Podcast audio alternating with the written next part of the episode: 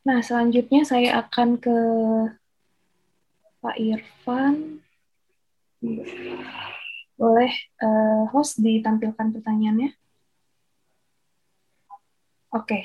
Uh, nah, uh, selanjutnya saya akan ke Pak Irfan. Nah, kita tadi melihat ya Pak bahwa uh, pendidikan itu banyak meng, uh, mengalami perubahan. Uh, terutama dari peristiwa pandemi ini.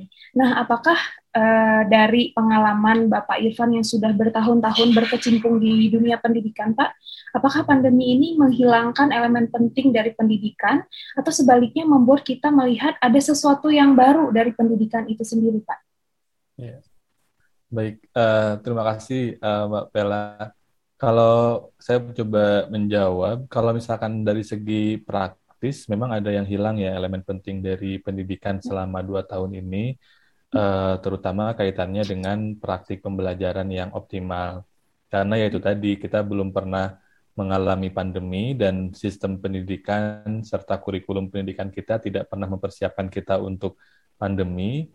Ketika kita berbicara pandemi, kita hanya mengingat itu sebagai cerita di masa lalu yang kayaknya kok nggak mungkin terjadi di masa kita gitu. Nah sehingga ketika itu terjadi, kita kalang kabut gitu balik yang di levelnya atas kementerian apalagi yang di grassroots di bawah. Karena kalang kabut akhirnya elemen penting pembelajaran itu tidak terlaksanakan secara optimal karena kita nggak tahu caranya gimana. Kita baru belajar sambil berjalan menemukan cara menemukan uh, pendekatan yang mungkin bisa dilakukan setidaknya untuk meminimalisasi ketidakoptimalan uh, proses pembelajaran tersebut sebagai elemen penting dari pendidikan Nah, tapi lagi-lagi kalau misalkan kita lihat uh, ini uh, fenomena pandemi ini sebagai uh, sesuatu yang kecil dan kita tarik dalam spektrum yang jauh lebih lebih luas, justru malah pandemi ini menyadarkan kita pada elemen penting yang sebetulnya selama ini jangan-jangan tidak kita sadari gitu, hmm. yaitu elemen bahwa bahwa pendidikan itu terutama sekolah itu tidak cukup selesai dengan hanya mengajarkan konten pembelajaran yang lebih penting adalah mengajarkan siswa uh, strategi uh, yang pertama mengajarkan siswa kecintaan untuk belajar dan kedua mengajarkan siswa learning how to learn bagaimana mereka belajar. Kenapa? Karena tantangan yang dihadapi itu nggak akan sama dengan materi pelajaran yang diberikan gitu. Ketika kita ketika jangan jangan taruh inilah taruhlah mahasiswa misalkan ketika mereka belajar di kampus, kemudian mereka selesai dan dan kerja, apa yang muncul di dunia kerja atau dunia bisnis atau apa pun itu itu secara tantangan, secara pengetahuan jauh lebih kompleks dan lebih luas daripada konten pembelajaran di kampus. Kalau misalkan mahasiswa tersebut tidak memiliki kecintaan dan kerendahan hati untuk mau belajar, kemudian tidak dibekali strategi atau caranya bagaimana belajar terus-menerus dan bagaimana belajar dengan cepat, maka pasti kesempatan-kesempatan yang datang itu akan hilang gitu. Karena dia dia terlambat dia bisa jadi nyaman dengan zona yang uh, sudah diberikan di kampus atau misalkan terlambat untuk mengimbangi kecepatan perubahan dan tantangan. Nah itu yang kemudian uh, bisa kita lihat dari dari pandemi ini sebuah elemen penting di pendidikan apalagi di kondisi hari ini yang perubahannya deras sekali dan drastis uh, sekali gitu. Terus kemudian elemen lain penting yang uh, didorong atau disadarkan ya melalui pandemi ini adalah bahwa uh, guru itu perlu untuk terus bertumbuh gitu. Nah persoalan di, di sistem sekolah kita ini guru antara nyaman dengan zonanya mengajar uh, sehingga merasa cukup dengan pengetahuan dan keterampilan yang dimiliki atau guru terlalu disibukkan oleh hal-hal administratif sebagai persyaratan pelaksanaan sekolah. Sehingga guru tidak berkesempatan untuk belajar lagi, untuk upgrade skill, upgrade pendekatan pembelajaran atau pedagogi, sehingga yang dia ajarkan secara cara maupun secara konten ya bisa jadi ketinggalan uh, zaman. Nah, gara-gara pandemi, kemudian banyak guru yang mau tidak mau terpaksa harus bertumbuh, harus belajar lagi gitu. Uh, dan saya juga uh, senang gitu banyak inisiatif di luar sana yang melakukan atau membantu memfasilitasi proses belajar tersebut. Misalkan ada komunitas guru uh, belajar, ada bantu guru belajar lagi, dan seterusnya. yang setidak-tidaknya itu membekali guru untuk keterampilan-keterampilan yang dia bisa membantu mereka untuk mengajar secara lebih lebih optimal.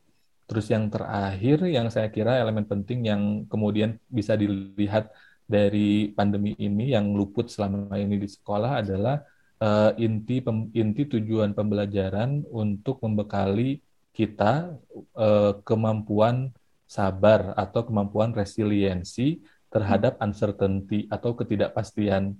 Tadi sudah disinggung juga oleh uh, Pak Nasrullah uh, dan dan ya itu tadi dan uh, kita tidak misalkan ketika kita belajar di sekolah kita kebanyakan belajar sifatnya textbook. Nah, padahal uh, konteks di luar itu kadang-kadang jauh. Kalau kata Russo itu kita ketika belajar kota itu kita hanya dikasih tahu bahwa misalkan jarak dari Cianjur ke Bandung itu sekian puluh kilo.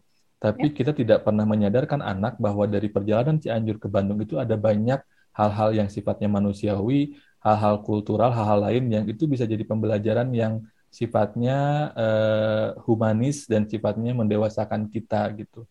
Nah, gara-gara pandemi kita belajar menikmati gitu ya tanda kutip ketidakpastian, ke apa ya, ketidaknyamanan yang yang itu memaksa kita mau tidak mau ya kalau ingin survive ya harus resilient gitu, harus tahan, harus sabar dan harus adaptif gitu. Kalau enggak ya ya itu tadi kita mungkin bisa bisa uh, bisa terjebak dalam uh, gangguan mental uh, health gitu yang misalkan uh, apa anxiety, kemudian panik, uh, bahkan kan kayak kekerasan dalam rumah tangga juga kan meningkat gitu selama pandemi karena karena itu tadi hantaman-hantaman tadi. Nah ini yang yang sebetulnya hilang dan pandemi menyadarkan kita walaupun mungkin tidak semua orang punya kesempatan dan punya kemampuan punya support system untuk uh, menyadari pelajaran penting tadi. Tapi ya semoga mudah melalui ini kita bisa belajar bersama-sama soal itu. Amin ya Allah. Terima kasih Pak Irfan. Wah, luar biasa sekali Pak insight-nya.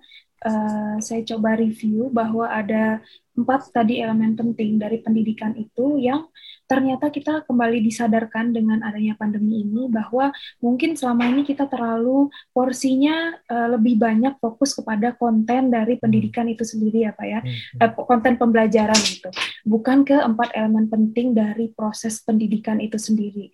Empat elemen itu adalah kecintaan terhadap belajar, baik hmm. juga uh, oleh murid maupun oleh orang-orang yang terlibat di proses pembelajaran itu ya Pak ya guru gitu ya. Termasuk di poin ketiga Pak Irfan menjelaskan bahwa guru itu perlu terus bertumbuh gitu kan. Hmm. mungkin selama ini sibuk dengan uh, proses administratif dan semoga guru juga bisa menumbuhkan kecintaannya terhadap proses belajar hmm. mengajar yang di mana guru termasuk elemen penting di proses itu ya Pak ya Nah, kemudian uh, faktor lainnya yaitu learning how to learn. Jadi ini penting juga yang seperti yang disampaikan Pak Irfan bahwa kita hanya belajar konten pembelajaran, tapi kita uh, mungkin sangat-sangat minim pengetahuan kita mengenai gimana sih cara belajar itu sendiri gitu. Nah, yang keempat yaitu tujuan pembelajaran yang salah satu tujuan pembelajaran yang paling penting adalah membekali kita kemampuan self resiliency atau hmm. kemampuan kita untuk bangkit ya Pak ya untuk uh, apa bangkit untuk tidak berputus asa untuk sabar terhadap ketidakpastian ketidaknyamanan dan untuk bisa beradaptasi sehingga menjadi uh, um, uh, tujuan pembelajarannya tercapai gitu.